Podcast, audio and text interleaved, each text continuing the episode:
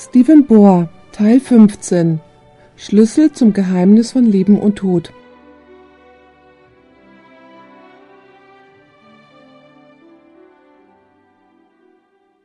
Lasst uns beten. Unser Vater im Himmel, wir danken dir für das Vorrecht, noch einmal hier zu sein und hier zusammenzukommen, um dein Wort zu studieren. Wenn wir jetzt unser Studium beginnen, bitten wir dich um die Führung deines Heiligen Geistes. Wir wissen, dass dies ein sehr wichtiges Thema in diesem Zeitalter ist. Und so bitten wir dich, uns das Verständnis dafür zu geben und auch Hoffnung. Und wir danken dir, dass du unser Gebet erhörst, denn wir bitten dies im Namen Jesu. Amen. Eine der größten und lebenswichtigen Fragen, die jemals gestellt worden sind, war die Frage, die Hiob im Buch Hiob 14, Vers 14 vor vielen, vielen, vielen Jahrhunderten gestellt hat. Aber wird denn der Mensch, wenn er stirbt, wieder leben? In unserem Studium werden wir die Geheimnisse von Leben und Tod besprechen, und im Wesentlichen werden wir dieses Thema in zehn bestimmten Punkten studieren. Und ich möchte euch erzählen, wo wir hingehen, damit, wenn wir dort ankommen, wir dann wissen, dass wir alles betrachtet haben. Den ersten Punkt, den wir betrachten wollen, ist die Frage, was ist Leben? Und wenn wir dann festgestellt haben, was Leben ist, werden wir die Frage stellen, was ist der Körper des Menschen? Und das mag sich selber erklären, aber wir werden untersuchen, was die Bibel über den Körper, unseren Leib sagt. Und an dritter Stelle wollen wir untersuchen, was der Geist des Menschen ist. Was ist der Geist? Viertens wollen wir studieren, wie die Bibel das Wort Seele erklärt. Was ist eine Seele und was geschieht damit, wenn ein Mensch stirbt? Fünftens wollen wir die Frage untersuchen, wie konnte das Leben ganz am Anfang verewigt werden? Hatte der Mensch eine unsterbliche Seele oder gab es da eine äußere Quelle des Lebens, an der der Mensch teilhaben musste? Der sechste Punkt, den wir studieren wollen, ist, was ist der Tod gemäß der Bibel? Der siebte Punkt, mit dem wir uns beschäftigen wollen, ist die Frage, wohin geht ein Mensch, wenn er stirbt? Punkt Nummer 8. Wenn wir sterben, gibt es eine Hoffnung darauf, noch einmal zu leben? Punkt 9. Wann wird der Tod ganz und gar aus dem Universum ausgelöscht sein? Und der zehnte und letzte Punkt. Warum ist dieses Thema, das wir studieren, in unserer heutigen Zeit so wichtig, dass wir es verstehen? Nun habe ich das, was wir betrachten werden, in zehn Punkten umrissen. Wir werden durch alle gehen, und ich hoffe sehr gründlich zu sein, und ich bin bestrebt, jede einzelne dieser Fragen zu beantworten. Nun lasst uns mit der ersten Frage beginnen. Was ist Leben? Geht mit mir zu 1. Mose 2, Vers 7.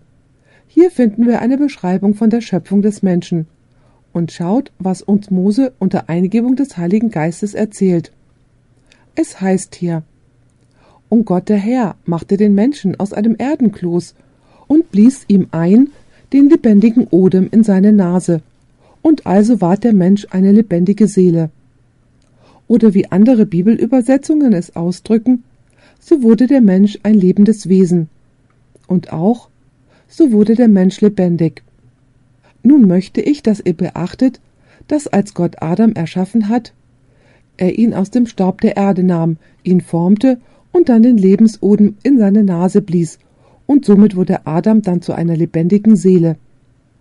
Ich möchte, dass ihr beachtet, dass dieser Text uns nichts davon erzählt, dass Gott Adam eine Seele gegeben hat. Uns wird nicht gesagt, dass Adam eine Seele hatte, sondern dass er eine Seele war. Die Seele war die Gesamtheit von Adam. Der Körper und der Odem machten zusammen die Seele aus. Die Seele war nicht etwas, das Adam in sich drin hatte, in seiner Ganzheit war er selber eine Seele.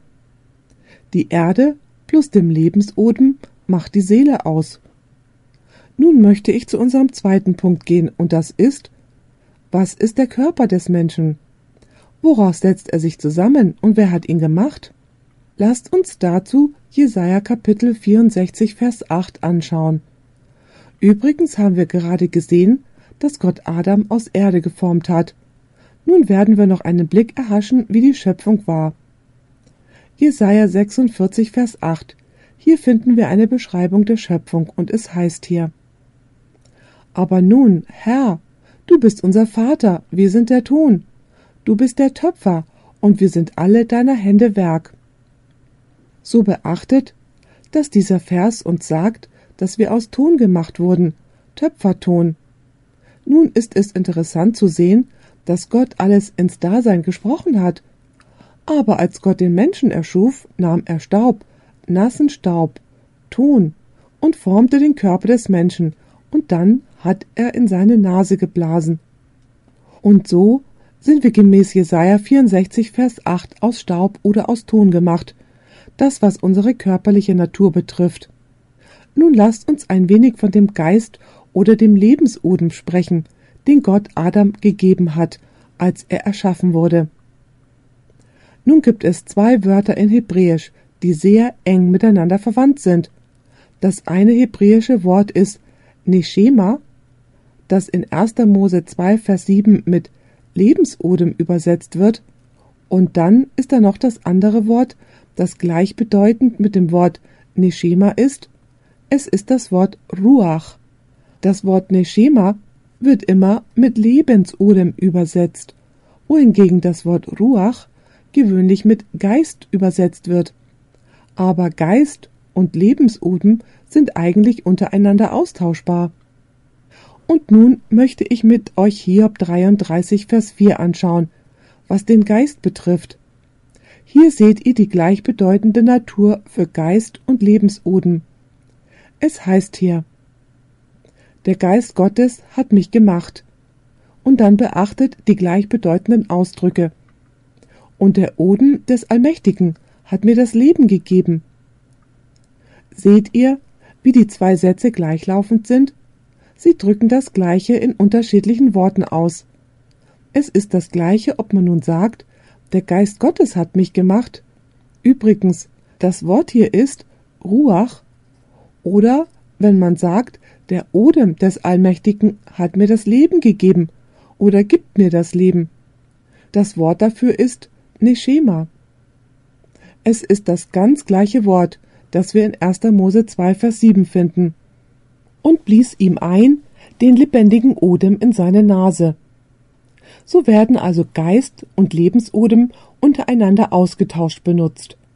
Nun werdet ihr sehen, dass der Geist oder der Odem wo gefunden wird?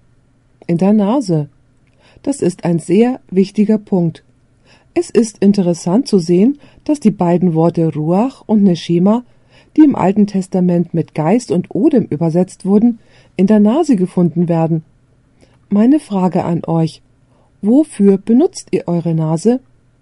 Wir benutzen sie, um zu atmen. Was ist also der Geist, Odem oder Atem? Es ist die Atmung. Anders ausgedrückt, der Geist oder Odem ist die energieverleihende Kraft, die elektrische Kraftquelle, die das Herz schlagen lässt, die Lungen atmen und das Blut im Kreislauf fließen lässt. Es ist die lebenswichtige Energie, die den Körper am Leben erhält. Mit anderen Worten, der Lebensodem oder der Geist ist die energietreibende Kraft, die dem Körper erlaubt, am Leben zu sein und zu wirken und sich zu bewegen. Nun gehen wir zu unserem vierten Punkt. Bisher haben wir erstens untersucht, was das Leben ist, und zweitens, was der Körper und drittens, was der Geist oder Lebensodem ist. Nun müssen wir die Frage stellen, was ist die Seele und was geschieht mit der Seele, wenn ein Mensch stirbt? Was das betrifft, gibt es viel Verwirrung, wenn man über die Seele spricht. Das Problem ist, dass das Wort Seele im 20. Jahrhundert etwas anderes in den Köpfen der Menschen bedeutet, als das, was es zur Zeit der Bibel, also im Alten und Neuen Testament bedeutete. Die Seele ist in der Bibel im Wesentlichen das Leben eines Menschen oder ist der Mensch selber. Nun möchte ich mit euch 1. Mose 9, Vers 4 aufschlagen. Hier wird das Wort Seele, das das hebräische Wort Nefesh ist, mit Leben übersetzt. Es heißt hier also in 1. Mose 9, Vers 4. Allein esst das Fleisch, nicht mit seinem Blut, in dem sein Leben ist. Nun, dieses Wort, das hier mit Leben übersetzt wird, ist das ganz gleiche Wort in 1. Mose 2, Vers 7, das mit Seele oder Wesen übersetzt wird. Mit anderen Worten, die Seele ist das Leben. Sie ist die lebende Ganzheit, der Mensch, die Person, deren Körper tätig ist, weil der Lebensodem dem Körper erlaubt zu wirken. Das Wort Seele wird oftmals im Alten Testament mit Leben übersetzt. In ein paar Bibelübersetzungen wird das Wort Seele mit Leuten oder Menschen übersetzt. Ich möchte euch ein paar Beispiele geben. Geht mit mir zu 1. Mose 12, Vers 5. Hier ist die Rede von den Menschen, die Abraham mit sich genommen hat, als er aus Haran ging. Es heißt hier in 1. Mose 12, Vers 5. Also nahm Abraham sein Weib Sarai und Lot seines Bruders Sohn mit aller ihrer Habe, die sie gewonnen hatten, und die Seelen, die sie erworben hatten in Haran, und zogen aus zu reisen in das Land Kanaan. In einer anderen Übersetzung heißt es und all ihre Habe, die sie erworben, und die Leute, die sie in Haran gewonnen hatten. Oder auch sie nahmen ihren ganzen Besitz mit, auch die Menschen. Beachtet, dass sie die Leute oder die Menschen, die sie in Haran gewonnen hatten, mit sich nahmen. Schauen wir uns jetzt 1. Mose 14, Vers 21 an. Hier finden wir diese Worte. Da sprach der König von Sodom zu Abram, Gib mir die Leute, die Güter behaltet dir. Hier wird wieder das Wort Seelen mit dem Wort Leute übersetzt. Anders ausgedrückt, der König von Sodom sagte, Behalte du die Güter und ich behalte die Seelen. Nun, was bedeutet offensichtlich das Wort Seelen? Es bedeutet Personen oder Menschen. Und das Wort Nefesh, die Seele, kann im Alten Testament Leben bedeuten und auch Person. Ich möchte euch jetzt zu einem Text mitnehmen, der sehr missverstanden wird. Hier wird darüber berichtet, dass Rahel im Sterben lag, als sie Benjamin ihren Sohn gebar. Es heißt hier in 1. Mose 35, Vers 18. Da ihr aber die Seele ausging, dass sie sterben musste, hieß sie ihn Ben-Oni, aber sein Vater hieß ihn Ben-Jamin. Hier wird übersetzt, dass ihre Seele sie verließ, als sie starb. Nun kann man dieses Wort Seele ganz leicht mit welchem anderen Wort übersetzen? Mit Leben. Als ihr Leben sie verließ. Und so sollte es übersetzt werden. Aber wisst ihr, Viele Christen fügen da noch zusätzliche Worte hinzu. Sie sagen zum Beispiel, als ihre unsterbliche Seele sie verließ und in den Himmel aufstieg. Der Originaltext sagt nichts davon, dass ihre Seele unsterblich war, noch dass sie in den Himmel aufgestiegen ist. Es heißt ganz einfach nur, dass das Leben sie verlassen hat. Und dann wird in Vers 19 erklärt, was es bedeutet. Also starb Rahel und ward begraben an dem Wege gen Ephrat, das nun heißt Bethlehem. Somit können wir nicht mehr in den Text hineinlegen, als dort drin ist. Das Wort kann sehr leicht mit Leben übersetzt werden, genauso wie in 1. Mose 9, Vers 4. Übrigens, es gibt im Neuen Testament die gleiche Besonderheit. In Apostelgeschichte 7, Vers 14 gibt es den gleichen Gedanken, dass sich Seelen auf Menschen bezieht. Es heißt hier Josef aber sandte aus und ließ holen seinen Vater Jakob und seine ganze Freundschaft, fünfundsiebzig Seelen. Hier ist das griechische Wort Psuchais, das genau dem hebräischen Wort Nefesh entspricht. Hier wird es zwar mit 75 Seelen übersetzt, aber was sind sie in Wirklichkeit? 75 Menschen. So, was ist also eine Seele? Es ist eine Person oder ein einzelner Mensch, eine Einheit, wenn man so will. Wusstet ihr, dass das Neue Testament das Wort Seele auch mit dem Wort Leben übersetzt?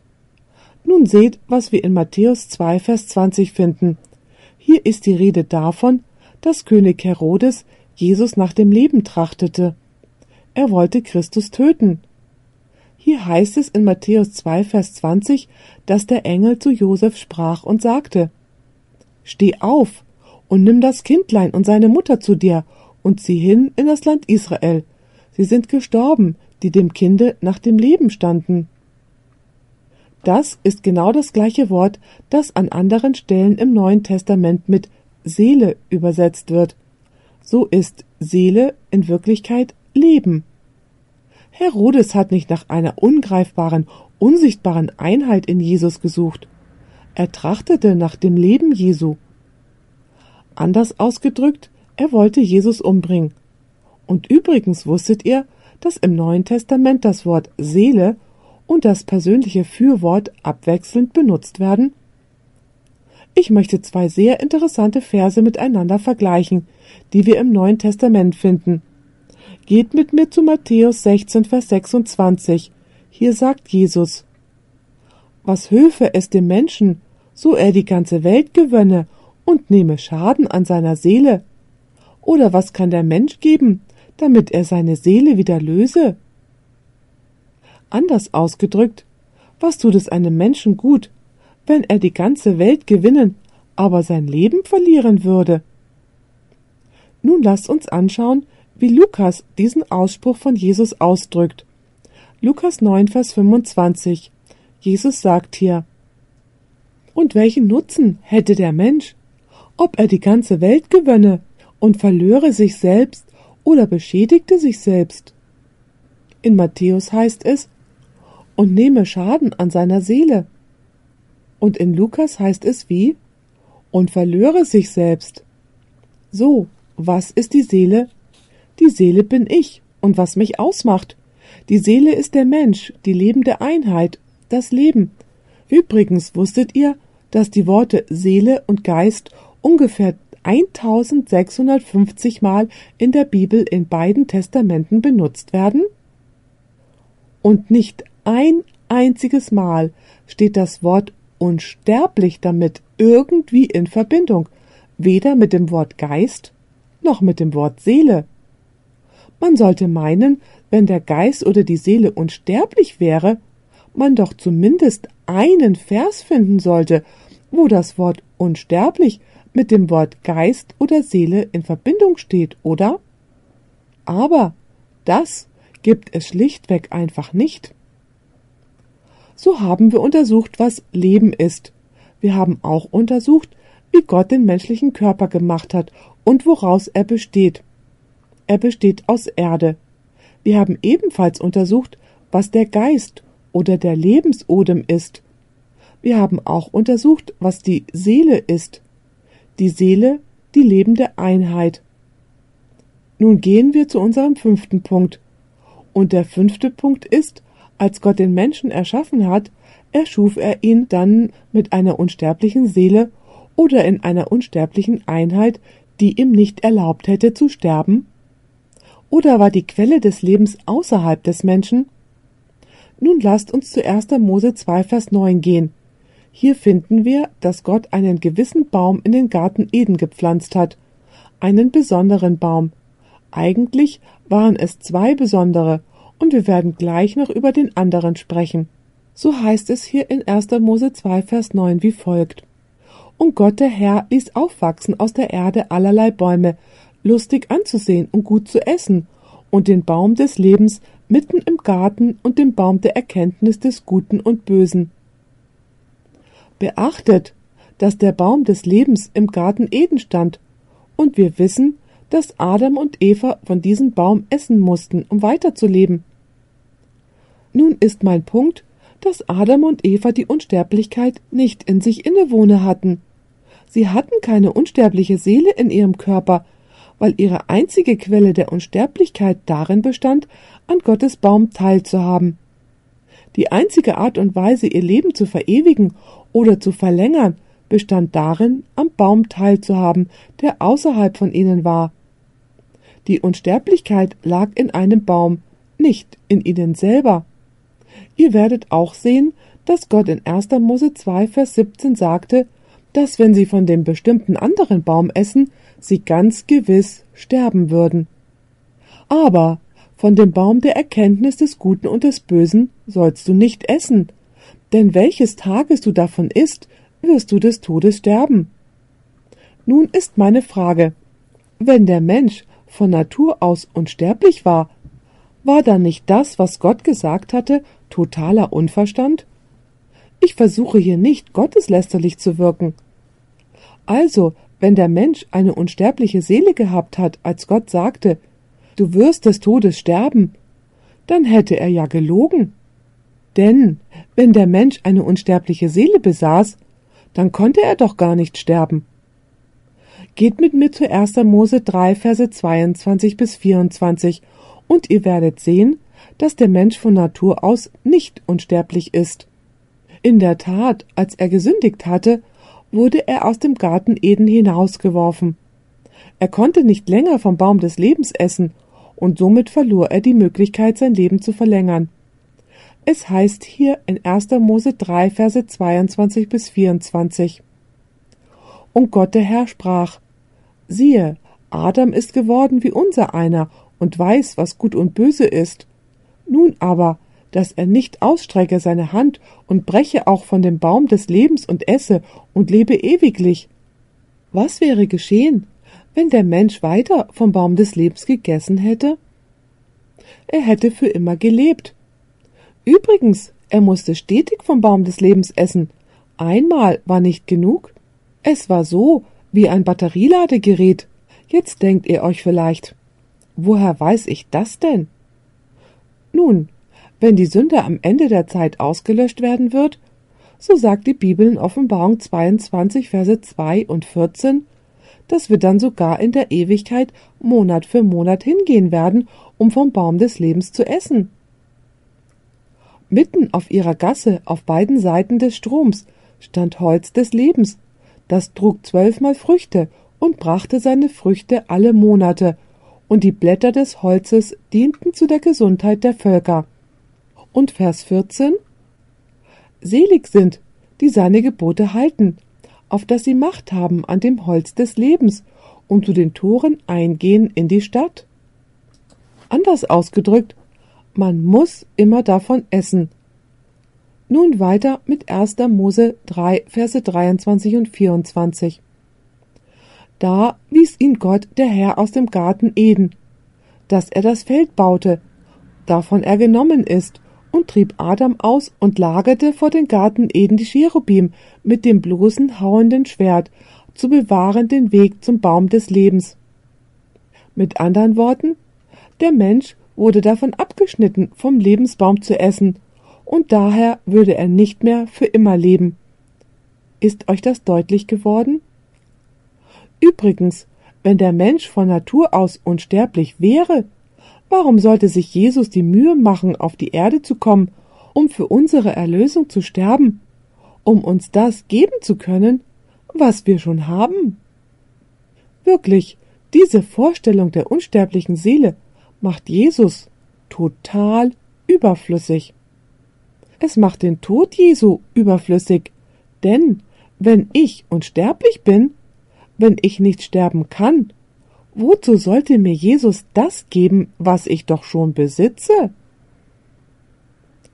So, die einzige Art und Weise, auf die das Leben verewigt werden konnte, war, vom Baum des Lebens zu essen, daran teilzuhaben, als der Mensch gesündigt hatte, wurde ihm der Zugang zum Lebensbaum verweigert, und daher war er dem Tod geweiht. Nun lasst uns noch ein wenig über den sechsten Punkt sprechen, und der ist Was ist Tod und was geschieht mit dem Körper und mit dem Geist oder dem Lebensodem nach dem Tod und was passiert also mit der Seele? Geht mit mir zu 1. Mose 3, Vers 19. Hier finden wir das Urteil, das Gott über Adam aussprach. Es heißt hier Im Schweiße deines Angesichts sollst du dein Brot essen, bis dass du wieder zur Erde werdest, davon du genommen bist. Denn du bist Erde und sollst zu Erde werden. Beachtet, dass es hier nicht heißt, dass der Körper aus Erde ist und ein Teil davon wird wieder zur Erde werden. Gott sagte, denn du bist Erde und sollst zu Erde werden. Anders ausgedrückt, er wird einst so sein, wie er vor der Schöpfung war. Man kann nicht zu Erde zurückkehren, außer wenn man von der Erde genommen worden ist. Das, was nun mit dem Körper geschieht, wenn ein Mensch gestorben ist, ist, dass der Körper wieder zur Erde wird. Er zerfällt und verwest, und ihr wisst, dass dies wahr ist. Wenn man nach vielen Jahren ein Grab öffnet, dann hat sich der Körper zersetzt und ist zu Staub geworden. Und so, wenn ein Mensch stirbt, dann kehrt der Körper zurück zum Staub. Nun ist die Frage, was geschieht mit dem Geist oder dem Odem, wenn ein Mensch stirbt? Nun, es gibt ein paar Verse in der Bibel, um dieses Geschehen zu erklären. Lasst uns dazu zu Johannes 19, Vers 30 gehen. Dies bezieht sich auf den Tod Jesu, und uns wird ganz genau erzählt, was geschah, als Jesus starb.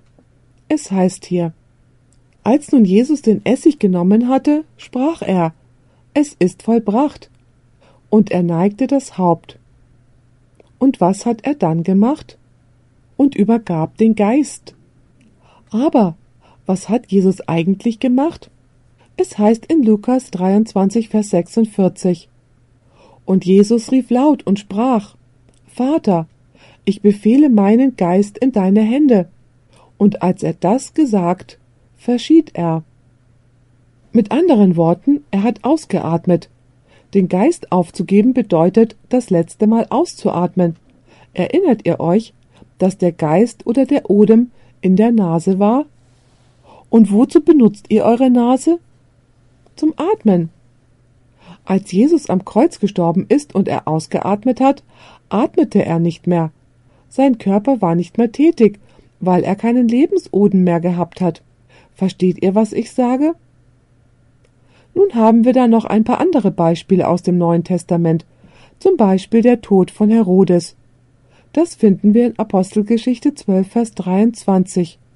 Es heißt hier, Alsbald schlug ihn der Engel des Herrn, darum, dass er die Ehre nicht Gott gab, und ward gefressen von den Würmern und gab den Geist auf. Anders ausgedrückt, er hat das letzte Mal geatmet und dann starb er. Das gleiche Geschehen finden wir in der Geschichte von Ananias und Sapphira in Apostelgeschichte 5, Verse 5 und 10.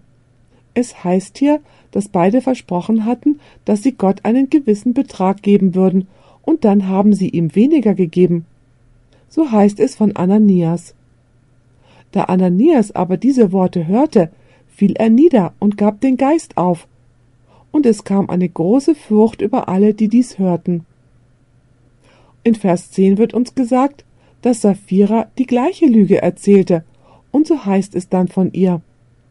Und alsbald fiel sie zu seinen Füßen und gab den Geist auf. Da kamen die Jünglinge und fanden sie tot, trugen sie hinaus und begruben sie neben ihrem Mann. Wir sehen noch einmal, dass der Geist oder der Odem mit dem Menschen stirbt und er den Körper verlässt und zu Gott zurückkehrt. Mit anderen Worten, der Körper ist nicht mehr tätig, er atmet nicht mehr und er ist nicht mehr energiegeladen. Der Körper zerfällt zu Staub und der Lebensodem verlässt den Körper. Nun werden wir unseren siebten Punkt betrachten. Der ist folgender. Was passiert zwischen dem Zeitpunkt des Todes und bis Jesus wiederkommt? Nun lassen wir uns das von der Bibel erzählen. Viele Leute denken, wenn man stirbt, dass man selber oder die Seele in den Himmel geht, oder auch, dass die Seele in die Hölle geht, wenn man gottlos war. Oder man geht erstmal irgendwo zwischendurch hin, was das Fegefeuer genannt wird, oder in den Limbus, die Vorhölle. Es gibt so mancherlei Vorstellungen, wohin die Menschen so alles hingehen. Aber was hat die Bibel über die Haltestelle zu sagen, wohin die Menschen nach ihrem Tod gehen? Lasst uns dazu Johannes 5, Verse 28 und 29 anschauen. Hier spricht Jesus und er sagt folgendes.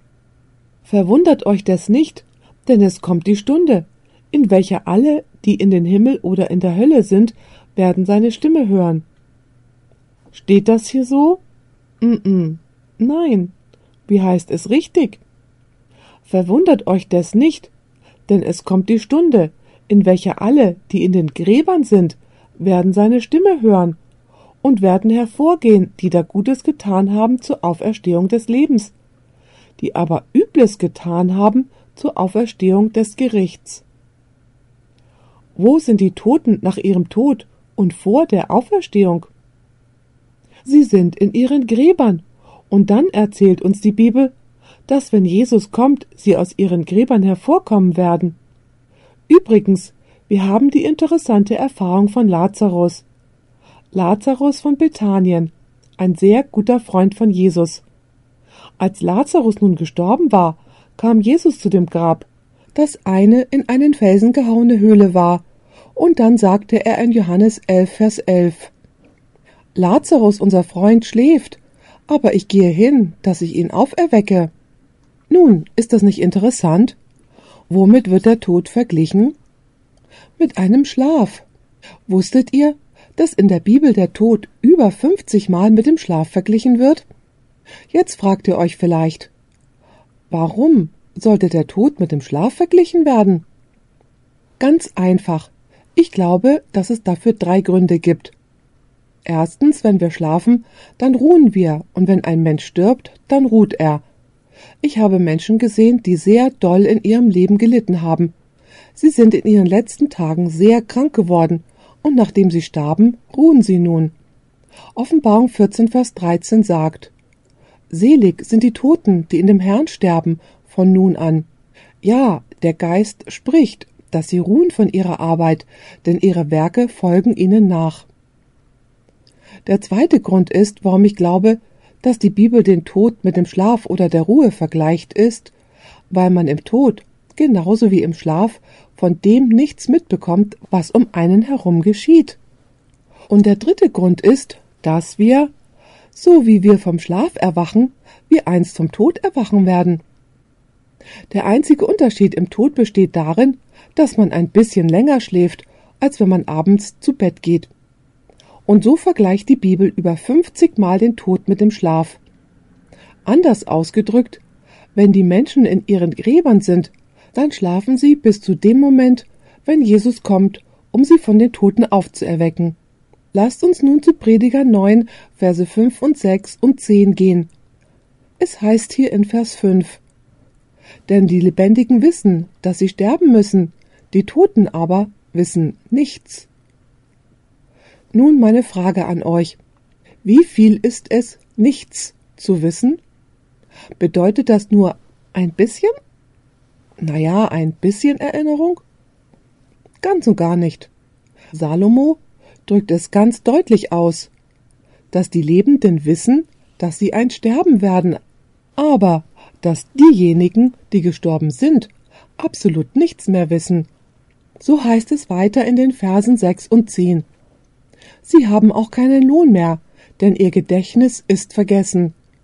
Dass man sie nicht mehr liebt, noch hasst, noch neidet, und haben keinen Teil mehr auf dieser Welt an allem, was unter der Sonne geschieht. Alles, was dir vor Händen kommt zu tun, das tue frisch. Denn bei den Toten, dahin du fährst, ist weder Werk, Kunst, Vernunft noch Weisheit. Und im Psalm 6, Vers 5 heißt es, Denn im Tode gedenkt man deiner nicht, Wer will dir bei den Toten danken? Er sagt, dass im Grab niemand an Gott denkt und keiner ihm danken wird. Psalm 115, Vers 17 erklärt, die Toten werden dich, Herr, nicht loben, noch die hinunterfahren in die Stille.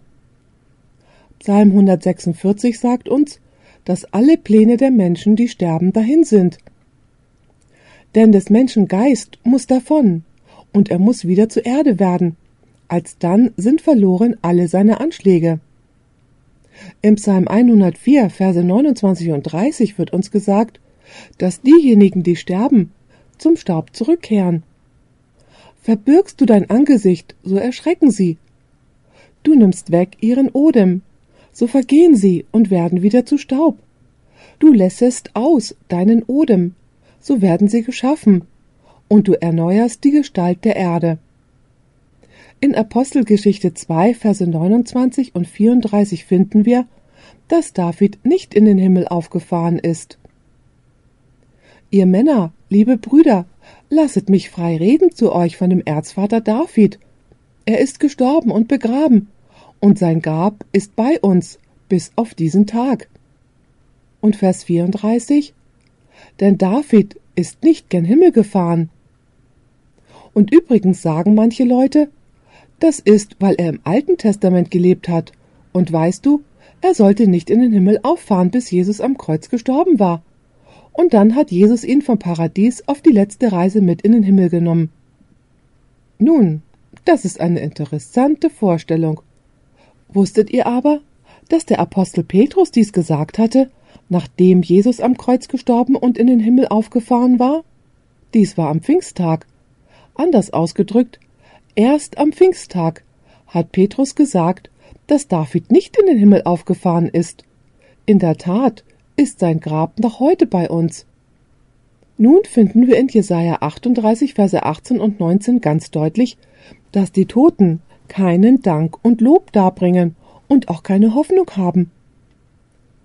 Denn die Toten loben dich nicht, so rühmt dich der Tod nicht, und die in die Grube fahren, warten nicht auf deine Wahrheit, sondern allein die da leben, loben dich, wie ich jetzt tue. Der Vater wird den Kindern deine Wahrheit kundtun. Und so macht die Bibel es sehr deutlich, dass wenn ein Mensch stirbt, er ins Grab sinkt, ohne Bewusstsein und eingeschlafen, bis zum Moment der Auferstehung. Und dies bringt mich zu meinem achten Punkt, und der ist, wenn also ein Mensch stirbt, gibt es dann Hoffnung darauf, noch einmal zu leben? Die Antwort ist ja. Erinnert ihr euch, dass uns in 1. Mose 2, Vers 17 gesagt worden ist, dass Gott zu Adam und Eva gesagt hat, aber von dem Baum der Erkenntnis des Guten und des Bösen sollst du nicht essen, denn welches Tages du davon isst, wirst du des Todes sterben. Du wirst also an dem Tag, an dem du von dem Baum isst, gewiss sterben. Wir haben schon studiert, dass sie an diesem Tag nicht gestorben sind. In der Tat ist Adam gestorben, als er 930 Jahre alt war. So, wie ist das also zu erklären? Erinnert ihr euch auch daran, dass es an diesem Tag den Tod gab? Eigentlich zwei. Den Tod von zwei Tieren, wahrscheinlich zwei Lämmer. Sie wurden an diesem Tag geopfert. Was versinnbildlichte dieses Opfer der zwei Lämmer? Dies war eigentlich eine Prophezeiung, dass Jesus in der Zukunft kommen und als Lamm Gottes sterben würde, das die Sünden der Welt wegnimmt. Anders gesagt, in dieser Veranschaulichung im Garten Eden mit dem Tod dieser beiden Tiere hat Gott uns etwas damit beigebracht, dass das Lamm unseren Tod auf sich nehmen würde. Er würde den Tod sterben, den wir verdient haben, so dass wir ein Leben haben könnten, das er verdient hat. Und das ist der Grund, warum wir in 1. Johannes 5, Verse 11 und 12 diese bedeutungsvollen Worte finden. Und übrigens sind sie sehr eindeutig und unmissverständlich. Und das ist das Zeugnis, dass uns Gott das ewige Leben gegeben hat. Beachtet, dass es hier nicht heißt, dass er es uns geben wird, sondern es heißt, dass uns Gott das ewige Leben gegeben hat. Und solches Leben ist in seinem Sohn. Wer den Sohn Gottes hat, der wird das Leben bekommen. Steht das hier so? Nein. Es heißt, wer den Sohn Gottes hat, der hat das Leben. Wer den Sohn Gottes nicht hat, der hat das Leben nicht. Was ist also somit der Schlüssel? Um das Leben zu haben, müssen wir wen haben? Wir müssen Jesus haben. So heißt es in Johannes 17, Vers 3.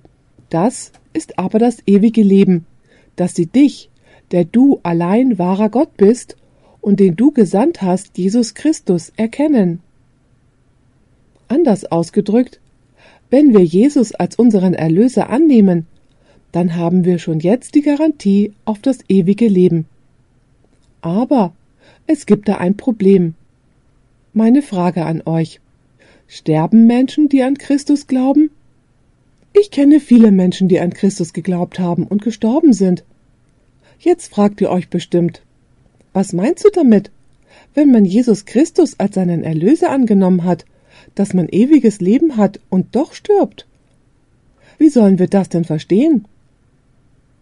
Nun, meine Lieben, Tatsache ist, dass wenn man Jesus Christus angenommen hat, dass er dann die Stelle meines Todes einnimmt. Und obwohl ich dann den körperlichen Tod sterbe, wird Jesus eines Tages kommen, um mich aufzuerwecken.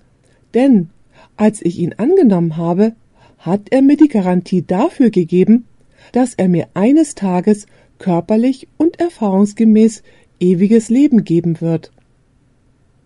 Lasst uns nun zu Johannes 11, Verse 25 und 26 gehen. Das ist das Kapitel, wo Lazarus von Christus auferweckt wird. Jesus spricht hier zu Maria, der Schwester von Lazarus. Ich bin die Auferstehung und das Leben. Wer an mich glaubt, der wird leben, obgleich er stürbe. So sagt Jesus, du magst körperlich sterben, ja, du magst in diesem Leben sterben, aber sei nicht besorgt, wenn du mich angenommen hast, dann wirst du in der Zukunft einst das Leben haben. Und es heißt weiter in Vers 26. Und wer da lebet und glaubet an mich, der wird nimmermehr sterben. Glaubst du das? Nun, wenn er davon spricht, du wirst niemals sterben, spricht er dann davon, dass man niemals den leiblichen Tod sterben wird? Nein. Er spricht nur wovon? Vom ewigen Tod. Er meint damit, dass man nicht auf ewig von dem Vorrecht, das Leben zu haben, ausgeschlossen ist. Und so finden wir sehr deutlich, dass Gott uns schon jetzt Hoffnung und auch ewiges Leben in Jesus Christus gibt. Wisst ihr, wir müssen vor dem Tod keine Angst haben, und wir müssen auch vor dem Sterben keine Angst haben.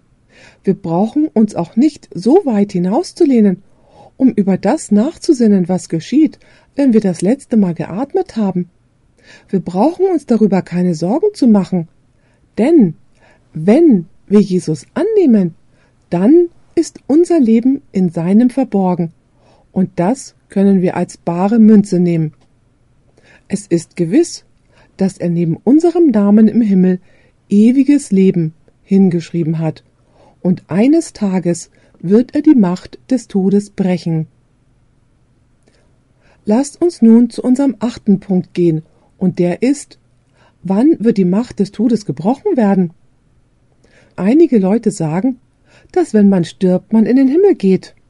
Nun, wenn man nachdem man gestorben ist, in den Himmel geht, warum sollte sich Jesus überhaupt die Mühe machen und einem das Leben bei seinem zweiten Kommen geben? In der Tat erzählt uns die Bibel sehr deutlich, dass wir die Unsterblichkeit empfangen werden, wenn Jesus kommt. Wir können die Garantie für das ewige Leben schon jetzt haben, aber wir werden die Unsterblichkeit erst erhalten, wenn Jesus kommt. Dies wird dann der letzte Schliff für die Unsterblichkeit sein. Ihr fragt euch jetzt vielleicht, wo sagt die Bibel das denn? Nun, geht mit mir zu 1. Korinther 15, Verse 51 und 53. Hier behandelt der Apostel Paulus ganz besonders das Thema der Auferstehung, und er sagt folgendes Siehe, ich sage euch ein Geheimnis. Wir werden nicht alle entschlafen, wir werden aber alle verwandelt werden. Und dasselbe plötzlich, in einem Augenblick, zur Zeit der letzten Posaune. Denn es wird die Posaune schallen. Und nun beachtet dies. Und die Toten werden auferstehen unverweslich, und wir werden verwandelt werden. Denn dies Verwesliche muss anziehen die Unverweslichkeit, und dies Sterbliche muss anziehen die Unsterblichkeit. Warum sollten wir die Unsterblichkeit anziehen, wenn wir doch schon unsterblich sind? Wann werden wir die Unsterblichkeit anziehen? Ist es zu dem Zeitpunkt, wenn wir sterben, oder in dem Moment, wenn Jesus mit dem Schall der Posaune wiederkommt und die Toten auferweckt und ihnen die Unsterblichkeit verleiht? Die Schrift ist sehr klar, was diesen Punkt betrifft. Geht mit mir nun zu 1. Thessalonicher 4, Verse 15 bis 17. Hier sagt der Apostel Paulus. Denn, das sagen wir euch als ein Wort des Herrn, dass wir, die wir leben und übrig bleiben auf die Zukunft des Herrn, werden denen nicht zuvorkommen, die da schlafen. Anders ausgedrückt, Die Lebenden werden nicht vor wem in den Himmel auffahren? Vor den Toten. Vers 16. Denn er selbst, der Herr, wird mit einem Feldgeschrei und der Stimme des Erzengels und mit der Posaune Gottes herniederkommen vom Himmel. Das ist die gleiche Posaune, von der wir gerade in 1. Korinther 15 gelesen haben. Und die Toten in Christus werden auferstehen zuerst. Nun ist der Vers 17 ausschlaggebend. Danach wir, die wir lebendig und übrig bleiben, werden zugleich mit ihnen hingerückt werden in den Wolken, dem Herrn entgegen, in der Luft, und werden also bei dem Herrn sein alle Zeit. Frage. Wer geht zuerst in den Himmel? Diejenigen, die am Leben sind, wenn Jesus kommt, oder diejenigen, die gestorben sind? Was lehren die meisten Christen? Sie lehren, wenn ein Mensch stirbt und wenn er gut war, dann wird er schnell in den Himmel gebracht, und wenn er böse war, wird er in die Hölle geschickt. Wenn das wahr sein würde, warum hat sich Jesus denn überhaupt die Mühe gemacht zu kommen? Versteht ihr, was ich sage? Und so möchte ich, dass ihr beachtet, dass dieser Text sehr deutlich sagt, dass wir zusammen mit denen hingerückt werden, die vor uns gestorben sind. Sie werden auferstehen, und wir werden alle zusammen auf einmal in den Himmel aufgenommen werden, um mit dem Herrn zu sein. Wenn wir also in den Himmel aufgenommen werden, wenn Jesus kommt, dann werden wir wann nicht aufgenommen? Wenn wir sterben. Die Bibel ist da ganz deutlich. Lass uns nun Johannes 14, Verse 1 bis 3 aufschlagen. Hier finden wir eine Verheißung, die Jesus seinen Jüngern und auch uns gemacht hat. Es heißt hier also, und er sprach zu seinen Jüngern, Euer Herz erschrecke nicht, glaubet an Gott und glaubet an mich. In meines Vaters Hause sind viele Wohnungen. Wenn es nicht so wäre, so wollte ich zu euch sagen, ich gehe hin, euch die Städte zu bereiten. Und nun achtet auf dies. Und wenn ich hingehe, euch die Städte zu bereiten, so will ich wiederkommen und euch zu mir nehmen, auf dass ihr seid, wo ich bin. Meine Frage an euch. Wann werden die Kinder oder die Nachfolger Jesu dort sein, wo er jetzt ist? Wenn er was tun wird? Wenn er wiederkommen wird. Es ist nicht in dem Moment, wenn wir sterben, dass wir hingehen um mit dem Herrn zu sein, sondern wann wird es sein? Es wird dann sein, wenn Jesus wiederkommt, und in der Zwischenzeit ruhen wir einfach nur oder schlafen. Und wenn Jesus kommt, dann wird er uns aus unserem Schlaf aufwecken. Nun beachtet diesen wundervollen Vers, den wir in der Apostelgeschichte 7, Vers 60 finden. Hier ist die Rede von dem ersten christlichen Märtyrer, Stephanus. Und ich mag es, welches Wort für sein Ableben hier benutzt wird, um dies zu beschreiben, als er gesteinigt wurde. Es heißt hier in Apostelgeschichte 7, Vers 60. Er kniete aber nieder und schrie laut, Herr, behalte ihnen diese Sünde nicht. Und als er das gesagt, was hat er dann getan? Entschlief er. Ich mag das. Es heißt nicht, dass er starb, sondern es heißt, dass er eingeschlafen ist. Ich möchte euch was fragen. Was wird das nächste sein, was Stephanus hören wird? Wenn Jesus wiederkommt, wird er ihn sagen hören. Stephanus, wach auf! Wach auf! Und dann wird Stephanus erwachen und aus seinem Grab kommen. Und übrigens, wie viel Zeit ist für ihn inzwischen vergangen? Also von dem Moment an, als er starb, bis Jesus wiederkommt? Wie viel Zeit ist für Stephanus vergangen? Keine Zeit, denn in dieser ganzen Zeit war er ja was? Ohne Bewusstsein. Nun werde ich etwas sagen und ich möchte, dass ihr dies versteht. Es gibt einen gewissen Sinn, dass wenn man stirbt, direkt in den Himmel geht. Nun lasst mich erklären, was ich meine. Für Stephanus war der letzte Moment, wo er etwas dachte, als sie ihn steinigten. Im nächsten Moment, wo er wieder etwas denken wird, ist, wenn Jesus ihn ruft. Wie viel Zeit wird für Stephanus vergangen sein? Gar keine. Und so ist es für ihn, nachdem er starb, dass er im nächsten Moment, wo er wieder denkt, dass er mit dem Herrn ist. Von seiner Sichtwarte aus gibt es keine Zeitspanne zwischen dem Zeitpunkt des Todes und wenn Jesus wiederkommt. Versteht ihr, was ich sage? So müsst ihr euch keine Sorgen machen. Oh, ich werde für wer weiß wie lange in einem kalten Grab sein, bis Jesus kommt. Oh nein, keine Sorge. Ihr werdet es gar nicht wissen.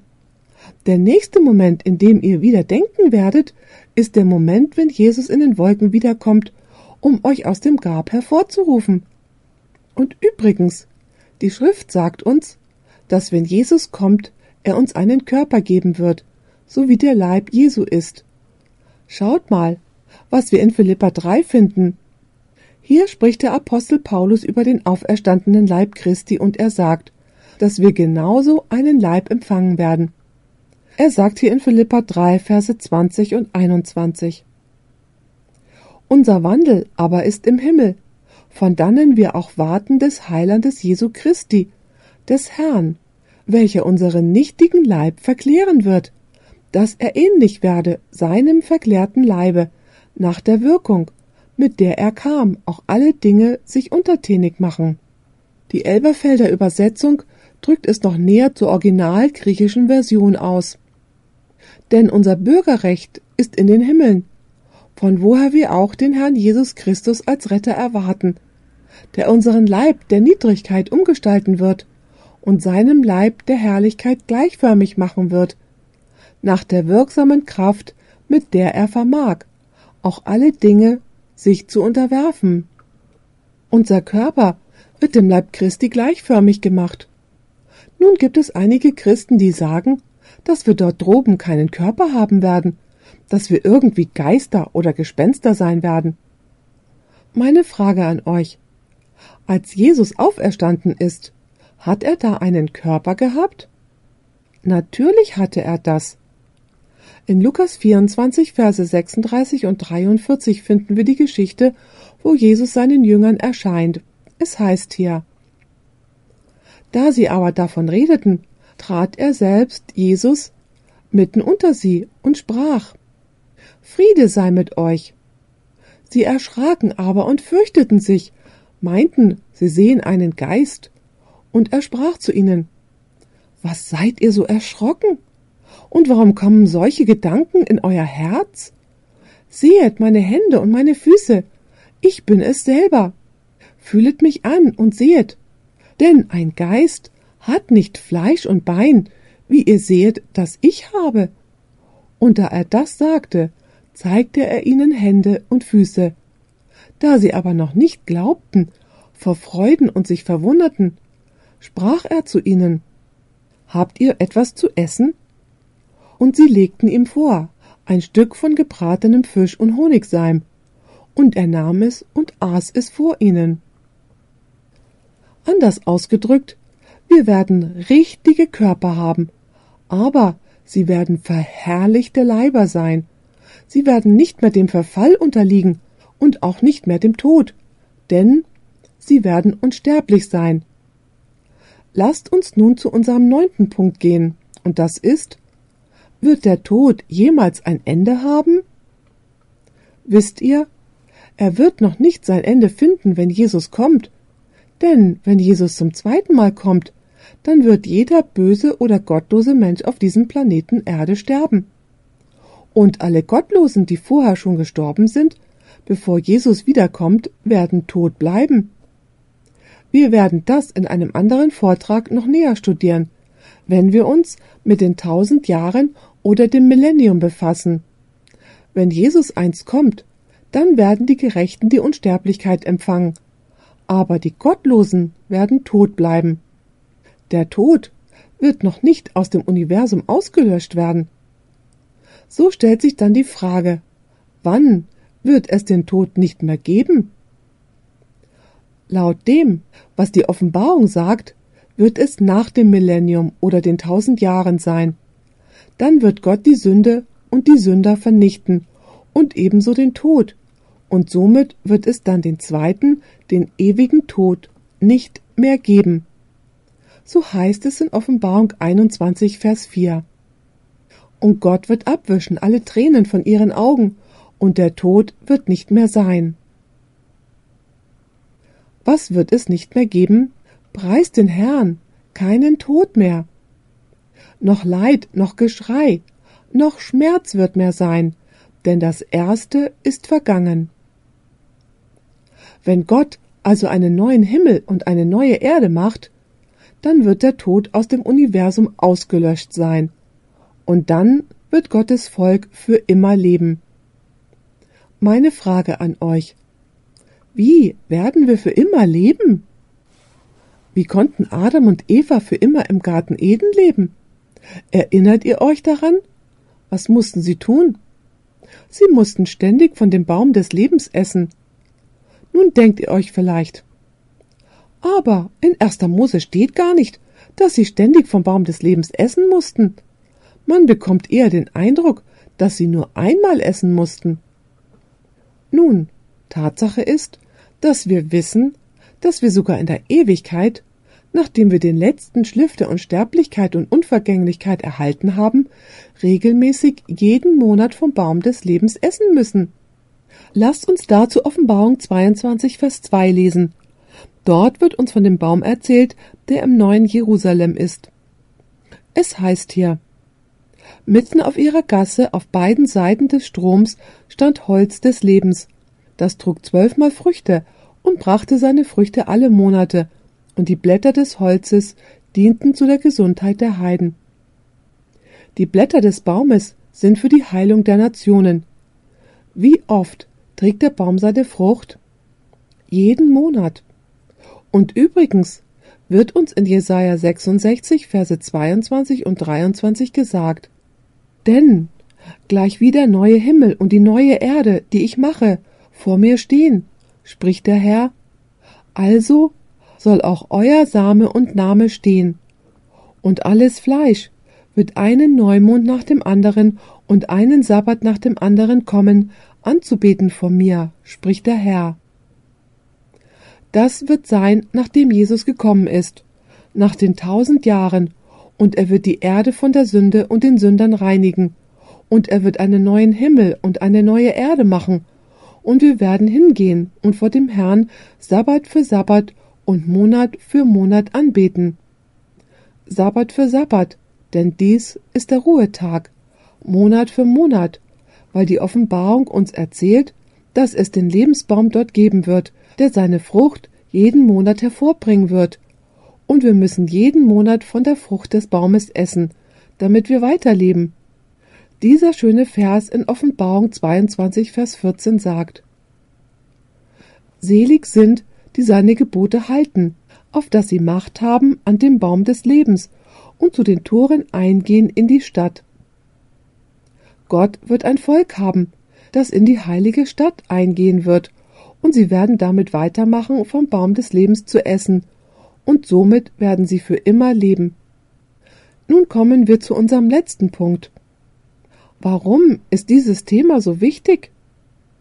Ich werde euch ein paar Gründe geben. Grund eins ist die Vorstellung, dass der Mensch eine unsterbliche Seele hat, die dem Menschen Ehre und Herrlichkeit bringt und nicht Gott. Ich finde es interessant, dass die Theologen euch sagen werden, Oh, wisst ihr, nur Gott ist allmächtig, allwissend und allgegenwärtig. Wisst ihr, nur Gott hat die Fähigkeit, überall gegenwärtig zu sein, alles zu wissen und alles zu tun. Wenn man sie aber fragt, ist nur Gott unsterblich?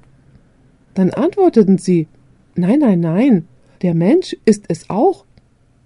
Nein, das stimmt nicht. Unsterblichkeit ist genauso ein alleiniges Merkmal Gottes wie all seine anderen Eigenschaften auch. Und wenn man sagt, dass der Mensch unsterblich ist, dann bringt man dem Menschen Ehre und Verherrlichung. Weiterhin macht der Glaube an eine unsterbliche Seele Gott zum Lügner. Denn Gott hat gesagt, ihr werdet gewiss sterben. Und wenn man sagt, dass man nicht stirbt, weil man eine unsterbliche Seele hat, dann lügt Gott. Und was ist dann mit dem Teufel? Er hatte recht, als er sagte, ihr werdet mitnichten sterben. Drittens, wenn der Mensch von Natur aus unsterblich ist, warum ist Jesus dann gestorben? Um mir das zu geben, was ich schon besitze, was ich schon längst habe. Es macht den Tod Jesu total unnötig. Weiterhin, wenn man eine unsterbliche Seele in sich hat, die den Körper verlässt, und das ist ja der wichtigste Teil meiner Natur, und mein alter Körper, den ich jetzt habe, macht keinen großen Unterschied. Warum sollte ich mich denn überhaupt damit rumplagen, auf meinen Körper aufzupassen? Ich kann doch meinen Körper behandeln, wie ich will.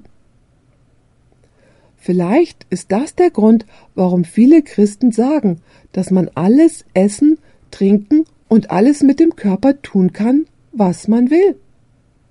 Dies wertet die Wichtigkeit, uns um unseren Körper zu kümmern, sehr ab, wenn man glaubt, dass das, was wichtig sei, die unsterbliche Seele innen drin ist. Weiterhin misst der Glaube an eine unsterbliche Seele dem zweiten Kommen Jesu eine geringe Bedeutung bei. Und schließlich, wenn man stirbt, geht man ja eh in den Himmel. Warum sollte es dann so dringend für dich sein, Jesus zu erwarten, um dich zu holen? In der Tat, es gibt da eine Frau, der sie die Magensonde herausgenommen haben, und nun kämpfen sie darum, sie am Leben zu erhalten. Nun, wenn ich die Eltern wäre, dann würde ich sagen, wisst ihr, lasst sie ruhen. Und gemäß ihres Glaubens geht sie ja sowieso direkt in den Himmel. Sie würde dort im Himmel viel glücklicher sein als in einem Bett im Hospiz. Aber natürlich sind die Menschen unsicher, und so wollen sie sich lieber anklammern und am Leben hängen. Schließlich, und dieses Thema ist sehr wichtig, weil diejenigen, die glauben, dass die Seele des Menschen unsterblich ist, die Türen dem Spiritismus weit öffnen. Wisst ihr, wenn man glaubt, dass der Mensch von Natur aus unsterblich ist, was nützt es dann, Menschen davon abzuhalten, die angeblich in die andere Welt hinübergegangen sind, zurückzukommen und mit den Lebenden zu sprechen? Es gibt Theologen heutzutage in den Kirchen, die sagen, dass die äußeren körperlichen Erfahrungen und die Nahtoderfahrungen Beweise dafür sind, dass es ein Leben nach dem Tod gibt und dass die Menschen zurückkommen, um mit uns zu sprechen. Meine Lieben, wir müssen glauben, dass Jesus unsere einzige Quelle des Lebens ist und an ihn glauben und ihn als unseren Erlöser annehmen. Diese Aufnahme wurde von Audioverse präsentiert, eine Internetseite, die sich der Verbreitung des Wortes Gottes unter anderem durch kostenlose Predigtaufnahmen widmet. Für mehr Informationen über Audioverse und für weitere Predigten empfehlen wir unsere Internetseite www.audioverse.org.